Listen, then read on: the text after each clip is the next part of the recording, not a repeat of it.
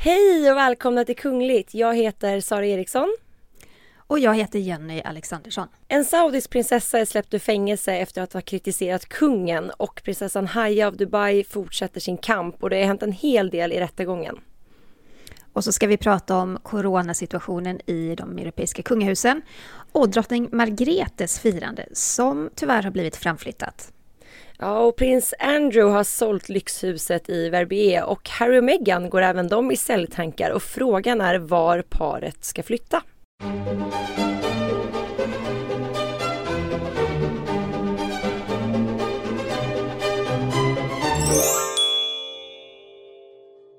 Oh, det är ju spännande. Varför flytta från detta lyxhus, Sara? Ja, det är inget litet palats de har. Men ja. Vad kul det känns Jenny att vara tillbaka och spela in kungligt igen. Vi har haft ett litet jul, ett välbehövligt juluppehåll från podden. Ja, Ja men verkligen, men det är skönt att komma tillbaka till vardagen också tycker jag. Det har hänt så otroligt mycket i den kungliga världen som vi ska prata om. Och jag tycker att vi börjar i Storbritannien för att eh, alla ni som följer oss, ni vet ju att vi har bevakat prins Andrew och den här rättegången. Och turerna kring prinsen, de har fortsatt. Eh, förhandlingarna då inför en eventuell rättegång, för det är det som har pågått i de här förhandlingarna och samtalen och så vidare, eh, för att avgöra ifall man ska ha rättegång. Man kommer snart ta ett beslut kring det. Och de flesta av er känner ju till bakgrunden kring den här skandalen, kring drottning Elisabeths son Andrew. Men för er som inte gör det så handlar det ju om att prinsen blivit anklagad för våldtäkt och sexuella övergrepp. Och det handlar då om Virginia Roberts Giffre som påstår att hon tvingas ha sex med prinsen vid tre tillfällen när hon bara var 17 år gammal.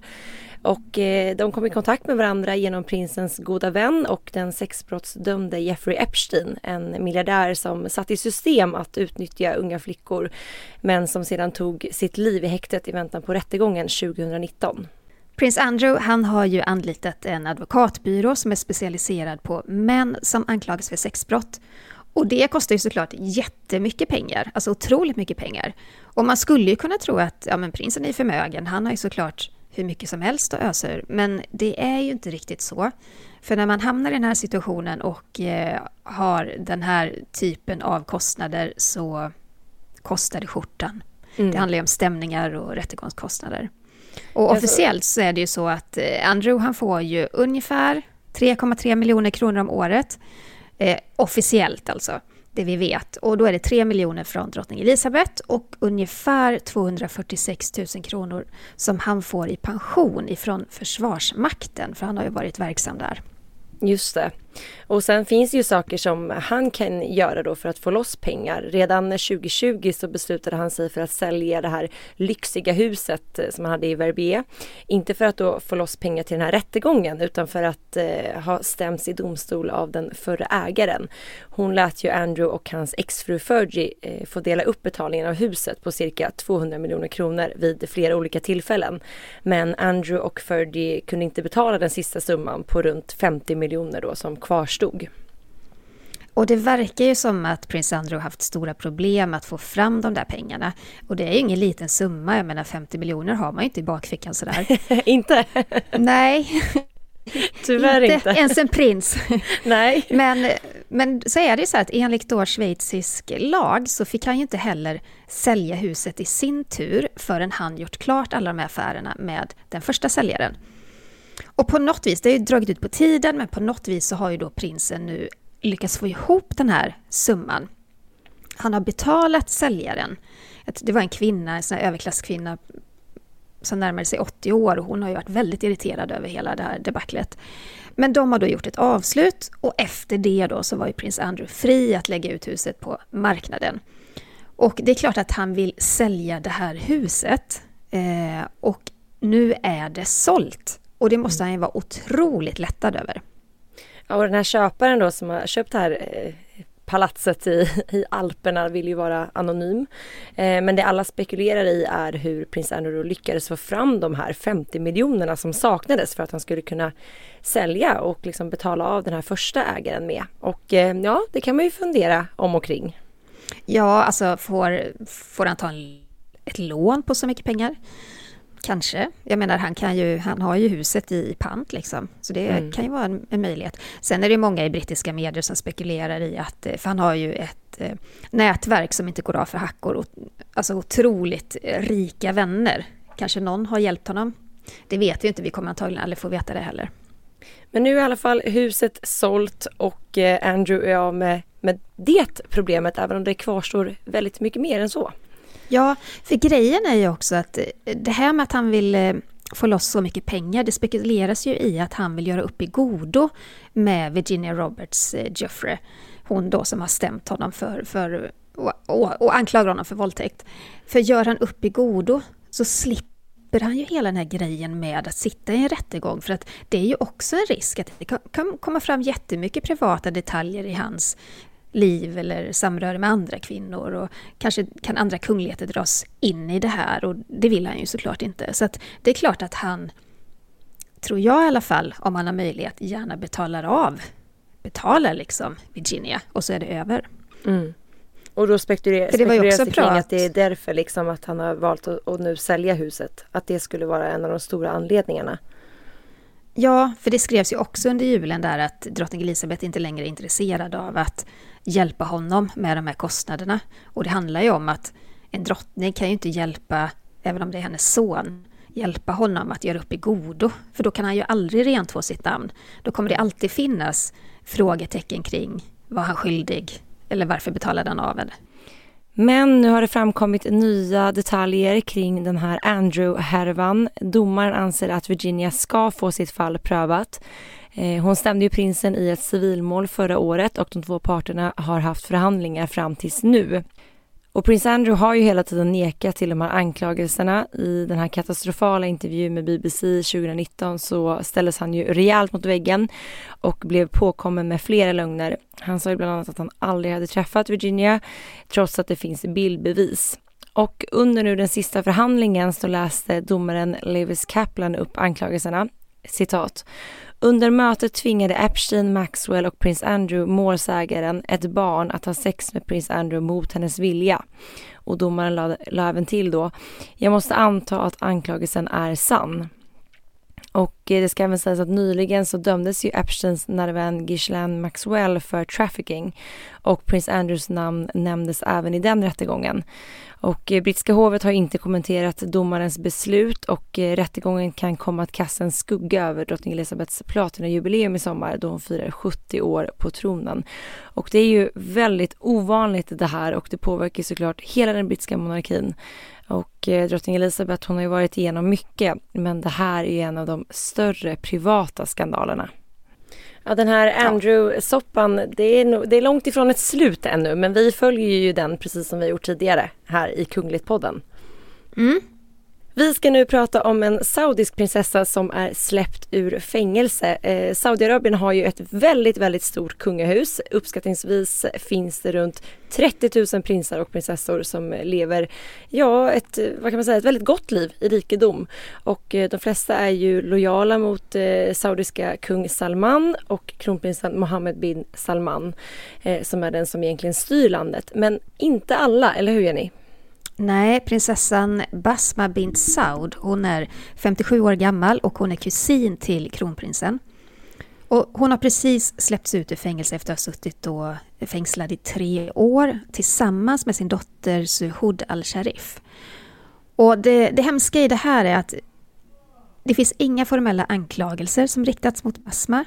Men det är ju lätt att gissa att det handlar om att hon har kritiserat kungen och enligt Human Rights Watch så kunde ju tidigare prinsar och prinsessor i kungafamiljen då undgå straff om de vågade vara kritiska.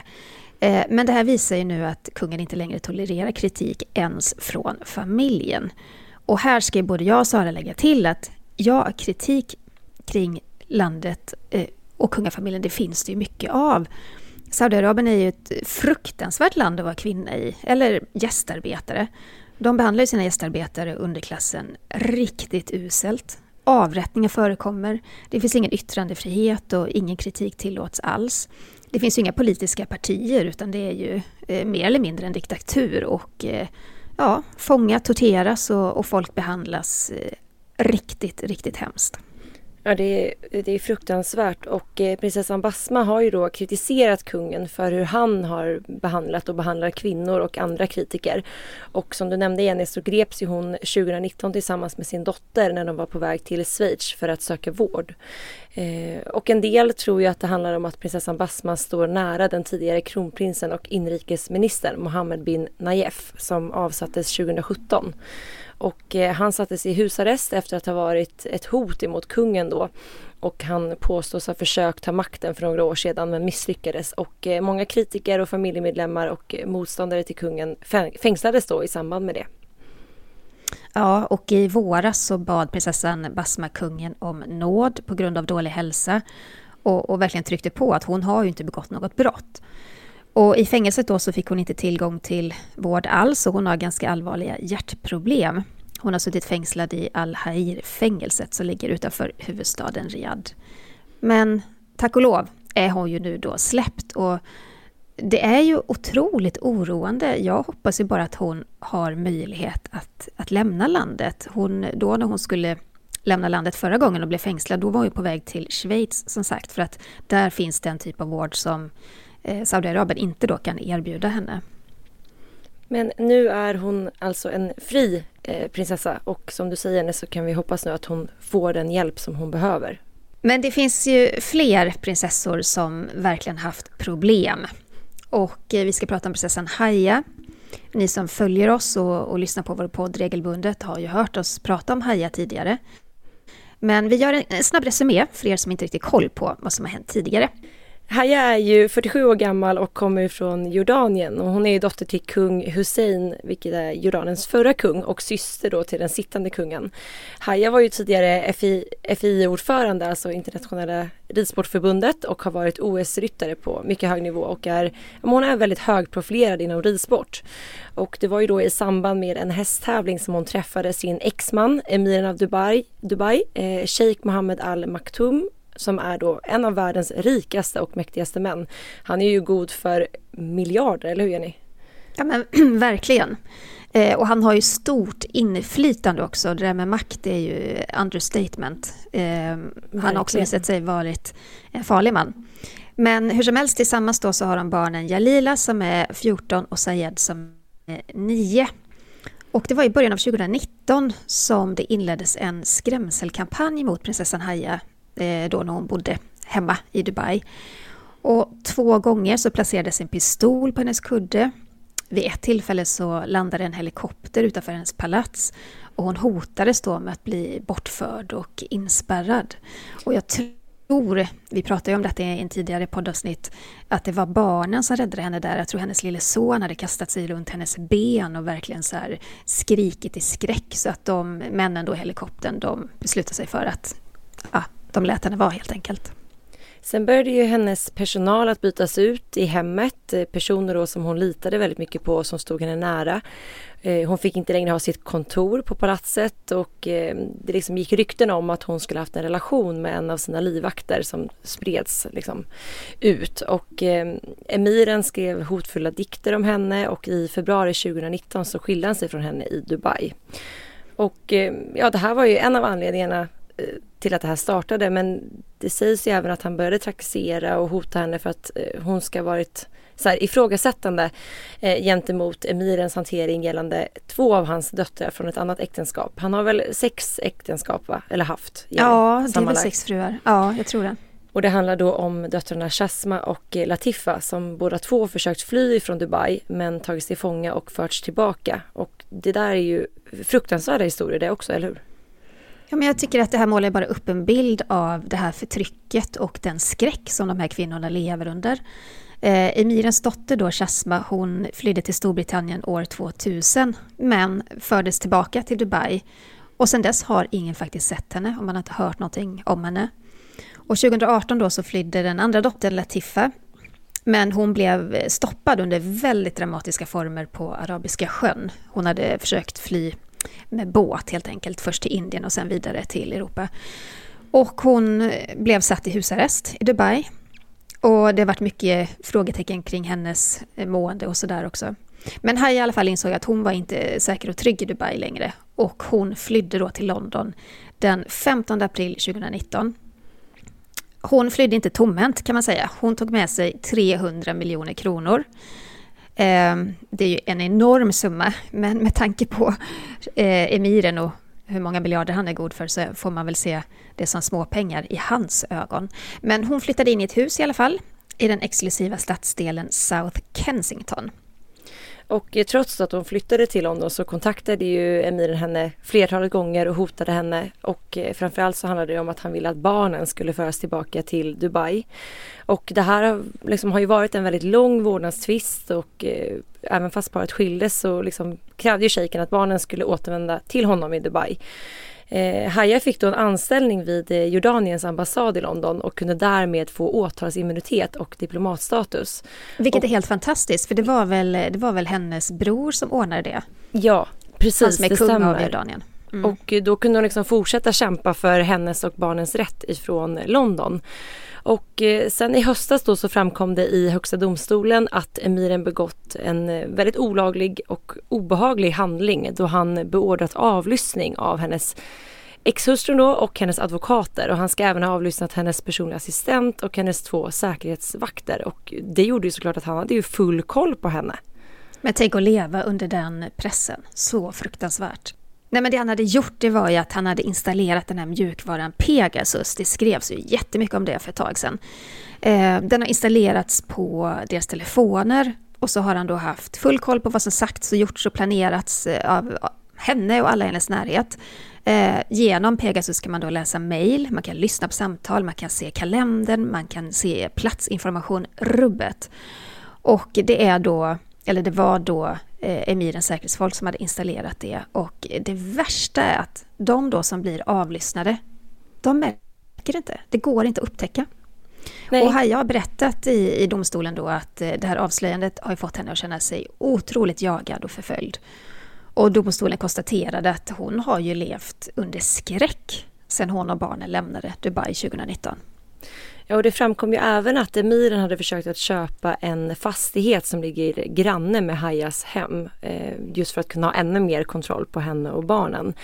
Eh, men nu har det faktiskt hänt lite grejer i den här långlivade konflikten. Eh, nu har ju domstolen i Storbritannien beslutat att emiren ska betala Haya 554 miljoner pund vilket ja, det motsvarar väl ungefär 6, 6,5 miljarder kronor. Så det är, helt sjukt. Summa. Nej men det är verkligen helt sjukt. Och den här summan ska då användas för att täcka Hayas säkerhetskostnader för resten av hennes liv samt då alltså kostnaderna för barnen. Eh, och det fastslogs ju då eftersom att domstolen anser att de levt under den här eh, liksom en väldigt stor och varaktig skräck och hot ifrån exmaken. Och eh, den här rättsprocessen är en av de största skilsmässouppgörelserna som någonsin upprättas i en brittisk domstol. Och frågan är ju ifall att Haya nu kan ses och framförallt känna sig fri efter det här beslutet. Alltså jag har ju svårt att tro det. Om han har jagat och förföljt henne eh, ända sedan hon lämnade Dubai på det viset och även då när hon bodde i Dubai. Nej, jag vet inte. Jag har svårt att tänka mig det. Hon kommer nog alltid se sig om över axeln och känna att eh, hon inte är helt trygg. För att det är också så att han är en av de mäktigaste i världen, en av de rikaste i världen och jag menar, han har ju också ett nätverk av människor som kan jobba för honom mm. för att trakassera henne. Och, nej, jag tycker bara det känns så sorgligt och så otroligt oroande. Ja det är fruktansvärt. Och det har ju också varit väldigt mycket, jag vet inte hur, hur status är på det nu, i och med att Haja har sitt stora hästsportsintresse så har ju hon och emiren ägt väldigt många av de här eh, galopphästarna tillsammans. Och det här är ju hästar värda otroliga summor pengar. Och att det också har varit mycket eh, fram och tillbaka gällande, han, alltså jag, om jag har förstått rätt så har emiren liksom avskrivit henne ifrån ägandet på de här hästarna mm. som faktiskt är hennes. Så det är väl liksom en annan del i den här historien som också ska redas ut nu i samband med detta.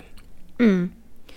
Och det, som sagt som du nämnde Jenny, vi har pratat väldigt mycket om Haja och eh, allting runt omkring den här historien. Och vill man veta mer om det här så kan man lyssna på ett tidigare avsnitt av Kungligt. Eh, det heter Prinsessan Hayas flykt ifrån sin make emiren av Dubai och det släpptes den 20 mars 2020. Mm. Det är spännande lyssning så missa inte det. Men eh, vi måste också prata om coronasituationen. och ja. i kungahusen. Eh, för förra veckan då så meddelade svenska hovet att kungen och drottningen testat positivt för covid-19.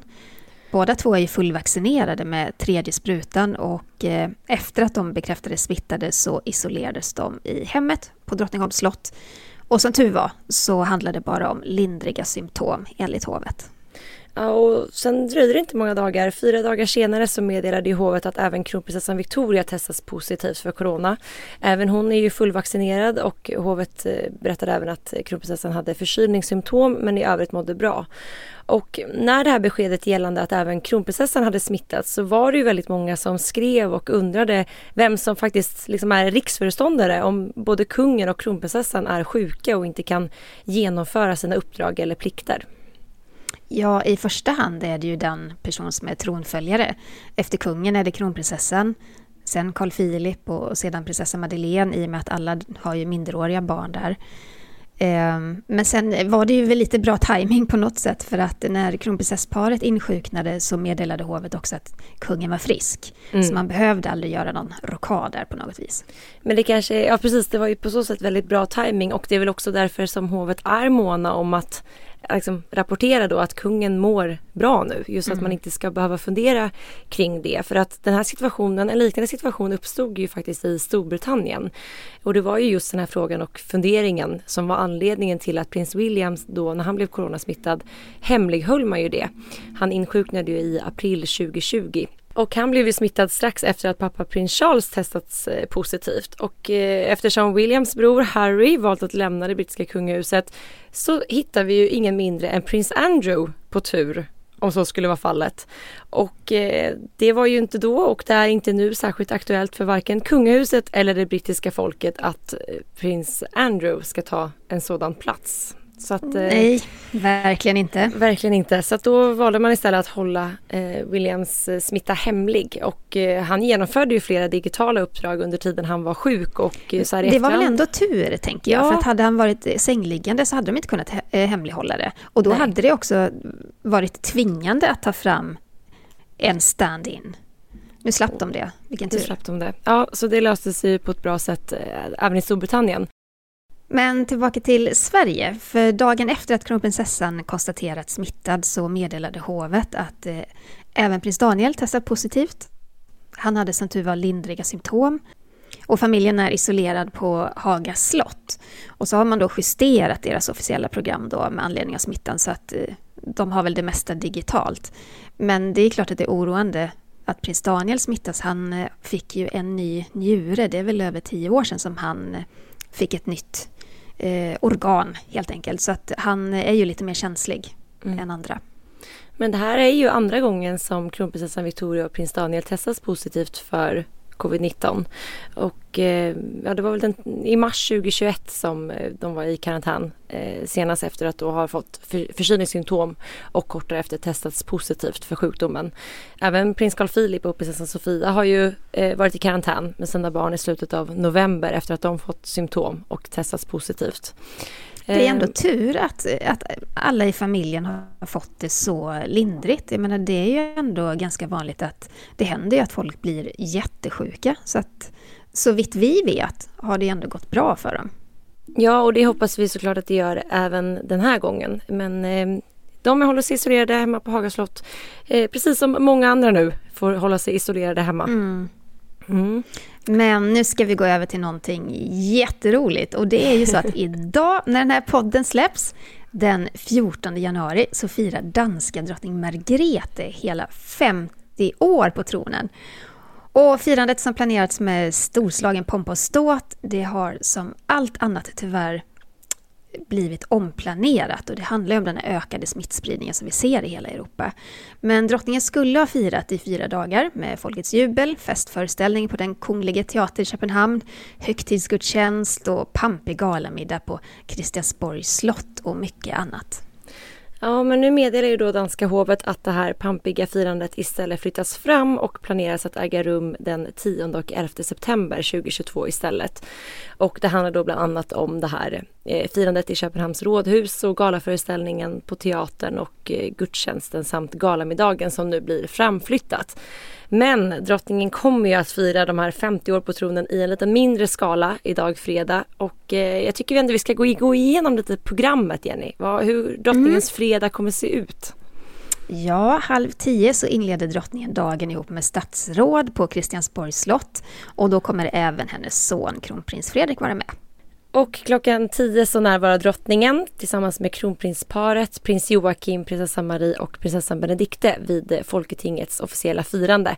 Sen klockan 12 så ska alla de tillsammans plus drottning Anna-Marie att delta vid kransläggning på drottningens pappa Fredrik den nionde och drottning Ingrids grav vid Roskilde. För att även om det här är en dag att fira, en jubileumsdag, så är det ju också drottningens pappas dödsdag. Eh, det är ju sorgligt att, men det är ju så det ser ut. Det är ju liksom då hon blev landets drottning mm. och nu vill hon då hedra hans minne genom den här kransläggningen. Vi har inte fått höra någonting hur danska familjen ska fira privat, men nog blir det säkert en eh, privat middag. Särskilt när det kommer gäster ifrån, eh, från Grekland och, och från Paris där Joakim och Marie bor. Så att, eh, jag är nästan säker på att det blir så. Men det är inget vi får veta, inget som hovet har delat oss i alla fall. Nej, precis. Men alltså jag har sån förkärlek för det här, alltså danskarna, danska kungligheternas sätt att bjuda upp liksom till fest och firande. Nu är ju det här stora och, och liksom galaliknande firandet framflyttat. Men det finns ju ingen hejd på hur de liksom maxar firandet. Eh, går man in på danska kungahusets hemsida nu så går det att ta del av de här nya porträttbilderna på drottningen. Speciella loggor har tagits fram. Det är nya frimärken, det är nya mynt. Alltså och liksom just den här planeringen. Jag gillar ju att man liksom maxar det. Håller mm. du med mig Jenny? Ja men verkligen och jag hoppas vi kommer se liknande saker hända nästa år när vår kung firar 50 år på tronen. Verkligen. Man får liksom, de här, de här tillfällena måste man fira. Det är ju väldigt ja. stort. Alltså 50 år som regerande drottning och liksom drottning Elizabeth som firar 70 år. Det är ju någonting som vi kanske aldrig mer kommer få ta del av. Det är verkligen Nej, särskilt, en stor grej. Ja, men särskilt också i och med att det kommer ske ett generationsskifte. Eh, och det har ju redan påbörjats som i Nederländerna och i Belgien där, där då äldre regenter har abdikerat. Men av tio kungahus i Europa så är det väl fortfarande på sex av de platserna tror jag det här äldre gardet och självklart ska det firas. Det Verkligen. tycker jag. Men inför det här firandet så bjöd drottningen också in 18 danskar, alltså helt vanliga människor, som fick möjlighet att ställa frågor till henne face to face. Och de här intervjuerna visades i eh, den danska kanalen DR1. Och bland de här personerna som intervjuade drottningen så fanns bland annat eh, 14-åriga Vildas som undrade om drottningen någonsin varit upprörd över att födas in i kungahuset och inte kunna välja sin framtid och sitt, eh, sitt ämbete fritt. Ja, och då svarar ju drottningen att liksom när hon var i hans ålder då, eh, som 14-åring, så visste ju hon vad hon skulle bli, att hon skulle bli landets drottning en dag. Och att hon faktiskt såg det som en fördel att inte behöva fundera över vad hon önskade att bli när hon blev stor. Eh, men hon berättar även att om hon inte skulle ha varit drottning så hade hon gärna utbildat sig till arkeolog. Och eh, drottningen berättar att det emellanåt varit liksom lite besvärligt gällande att alltid som ung behöva tänka på vad man gjorde och hur man uppförde sig. Men att hon även då lägger till att hon tror att alla känner så oavsett om man bara är en vanlig tonåring eller om man är eh, en tonåring som ändå ska bli landets drottning. Mm, där kan man väl ändå tänka att det är lite tuffare att vara så offentlig som hon är. Men jag fattar, jag förstår hennes, eh, hennes poäng där. Men vi såg också 76-åriga Erik Bonde som frågade drottningen hur hon liksom tagit sig igenom den här tiden efter prins Henriks död 2018. Eh, han själv berättade att han har förlorat sin fru och sina bröder. Och vi lyssnar lite på vad drottningen svarade. Och det är klart att man, øh, det, det är en våldsam omvältning i ens när man har varit två och så är man en. Ja. Men jag har ju slett inte varit ramt sådant som de har med att det var så många andra där samtidigt fallit fra. Och så fick jag alltså en, en uppbackning från, inte bara min familj, men jag syns från hela Danmark. Och det, det var en stöd, ett helt stora det kan jag lova dem. Ja, hon säger bland annat att eh, prins Henrik hade varit dålig en lång tid och det var en våldsam omvälvning i livet när han dog och det kan man ju förstå såklart. Och särskilt när man varit två en så lång tid då, så nu är man bara en. Men jag fick en uppbackning, inte bara från min familj, utan från hela Danmark, säger drottningen. Och så pratar ja. hon också om att hon tror att det är hennes plikt och att det alltid har mycket att göra. Eh, att det är det som har hjälpt henne att då leva med sorgen. Jag tyckte det var väldigt intressant att titta på de här intervjuerna. Det är verkligen ett tittartips till er alla. Det går att, eh, de går att ta del av via dr.dks hemsida. Men just det här att, att, så att säga, vanliga människor får sätta sig mitt emot drottningen och ställa frågor som de verkligen vill ha svar på. Eh, det här lite avslappnade sättet gör ju att man liksom får får höra andra saker bortom de här, de här vanliga frågorna. Mm. Och det var liksom allt ifrån barn till äldre till liksom medelålders. Det var liksom ett, väldigt många olika typer av människor och åldrar som fick ställa frågor till drottningen. Så det kan jag verkligen rekommendera att titta på. Och jag tycker att drottning Margrethe, hon har ju, du har ju träffat henne Jenny och du har ju själv mm. berättat om det att hon hon verkar vara väldigt lättsam. Alltså lätt att ja. prata med på något sätt. Men det är det som är så häftigt med henne, för hon är ju väldigt drottninglik och hon har en pondus som man blir avundsjuk på. Jösses, man vill inte förarga henne. men, men hon har också den här värmen och hon har också... Eh, hon har alltid gått sin egen väg som drottning och hon, eh, hon är så säker och trygg i sig själv och det tycker jag är så fascinerande. Och som du säger Sara, också det här med att vanliga människor ställer frågor. Det blir en helt annan dynamik i det. Eh, och det blir ju helt, ibland lite så överraskande svar. Och jag minns när drottning Silvia, hon gjorde faktiskt samma sak 2013 när hon fyllde 70. Och då hade man ställt frågor till människor som befann sig på centralstationen. Och det blev också väldigt fint och vi ska lyssna på en av de frågorna. Jag skulle vilja fråga drottningen om hon någon gång har ångrat att hon blev drottning eller om hon skulle vilja ha levat ett normalt svenssonsliv som de flesta av oss andra gör. Nej, jag ångrar mig inte att jag har gift mig med, med kungen, att jag har gift mig med den person som jag älskar. Uh, att jag blivit drottning ger mig naturligtvis en särskild möjlighet att dra eh, ska vi säga, ljuset på, till viktiga frågor som ligger mig varmt om hjärtat som jag tycker är inte bara intressant men som är väldigt viktig att eh, dra uppmärksamhet till. Så det är en stor uppgift som jag försöker att, att göra det bästa jag kan göra. Och, ehm, men också vara varsamt med den ställning jag, jag befinner mig i. Ja, en annan drottning som ska firas i år det är drottning Elisabeth. Och i år firar hon 70 år på tronen. Det är ju imponerande, eller hur? Det är trumvirvel och fanfar på det. Eh, det är ett väldigt storslaget firande som har planerats. Eh, bland annat så kommer ju folk att få fyra dagars ledigt i samband med det här firandet. Men vi får ju se nu hur pandemin utvecklas. Visst, finns det en risk att även hennes firande kommer att flyttas fram, det känns det som. Ja, men än så länge så står man ju fast vid den ursprungliga planen och nu har det faktiskt tillkommit en rolig detalj. ja. eh, det här platinajubileet det ska firas med en baktävling. Alltså man ska skapa en tårtbakelse tillägnad drottningen. Mm. Och vi, måste ju, vi måste ju vara i London när detta händer. Jag älskar ju bakelser.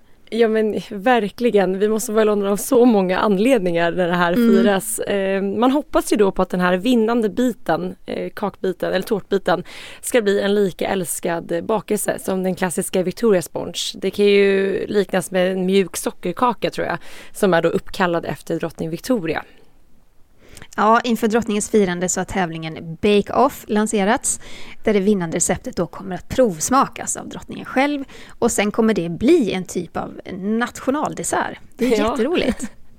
Det är jättekul och det är då eh, Day Mary, 86 år, som kommer att testa de här uttagna bidragen och henne känner vi igen faktiskt i, i kungliga sammanhang sedan tidigare. Det finns ju ett väldigt roligt klipp på när hon tillsammans med prins William och Kate bakar.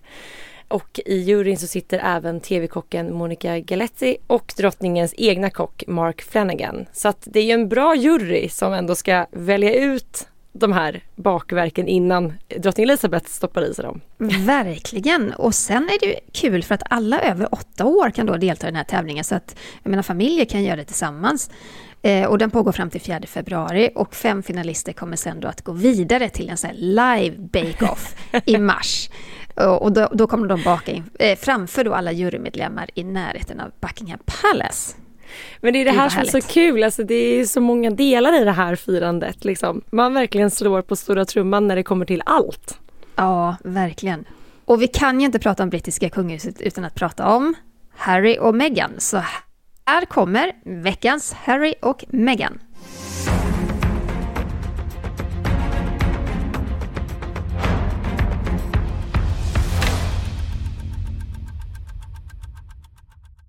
Det har ju snart gått två år sedan Harry och Meghan flyttade från Storbritannien. Först bodde de en period i Kanada och sen bestämde de sig för att flytta till Kalifornien. Och de bosatte sig i Montecito som ligger nordväst om Los Angeles. Och här är paret faktiskt inte de enda kändisarna. Nej, som inte direkt. Vi pratat, nej, vi har ju pratat om det tidigare. De är grannar med bland andra Orlando Bloom, Katy Perry, Ellen DeGeneres och Oprah Winfrey. Och de har ju faktiskt gästat båda de här pratshows-ikonernas program. Mm. Och Harry och Meghan de slog ju till och köpte en medelhavsinspirerad lyxherrgård kallad Chateau of Riverrock med, håll i nu Jenny, 9 sovrum, 16 badrum, bio, 1300 kvadratmeter tomt, pool, rosenträdgård, tennisbana och ett elegant litet tehus för en hisande summa på eh, 171 miljoner kronor. Jag vill också bo i Chateau Rivenrock. Det, ja. oh, gud, det låter ju som någon sån här mystisk eh, äventyrssaga. Jag vill framför allt ha ett eget tehus. ja, eller bio. Härligt. Rosenträdgård, absolut. 16 badrum. Vad man nu ska med dem till. 16 badrum. Vad ska man med 16 badrum till? Herregud. Kan ju bara använda ett i taget. ja, det låter ju ändå som att paret har allt som de önskar sig. Eh, men Eh, enligt källor till The Mirror så har paret tröttnat på sitt palats och nu vill de sälja det. Och enligt källorna så vill då paret bo kvar i området, men anledningen då, då till att de vill sälja det ska vara att de är inte så himla nöjda med huset och dess läge. Så vi får väl se om Harry, Meghan, Archie och Lilibet flyttar till något annat inom den närmsta tiden. Undrar om det här med läget handlar om paparazzis? Kanske. Eh, det kan det absolut vara, att de inte känner sig tillräckligt skyddade eh, där de bor idag eller att man liksom ser dem för lätt eller vad det nu kan vara. Det mm. kan absolut vara en anledning. Men, men hallå, Chateau, Chateau of Riverrock är ute till försäljning snart. Ska vi slå till Sara? Om, ja, ja, ja, absolut. Vi slår till och vi kan ju podda därifrån. Vi kan ju sitta i både samma rum och olika rum. Det finns ju att välja på. mm, det finns att välja på. Ni får jättegärna skicka in eh, lyssnarfrågor. Mejla då till kungligt aftonbladet.se så ska vi besvara dem. Ja. Och glöm inte att följa oss på um, sociala medier. Sara, var finns du? Mig hittar man på royalistan.se och var hittar man dig Jenny? På Instagram, kungligt med Jenny heter jag där. Tack snälla för att ni har lyssnat på veckans avsnitt. Nästa vecka så hoppas vi att vi kan ses i en studio Jenny. Ja, jag håller tummarna för det. Eh, vi är så trötta på corona. ja, det tror jag vi, vi alla är. Och vi längtar efter en vanlig vardag. Mm. Mm. Men ta hand om er och sen så hörs vi igen nästa vecka. Det gör vi. Ha det så gott, hej då! Hej då!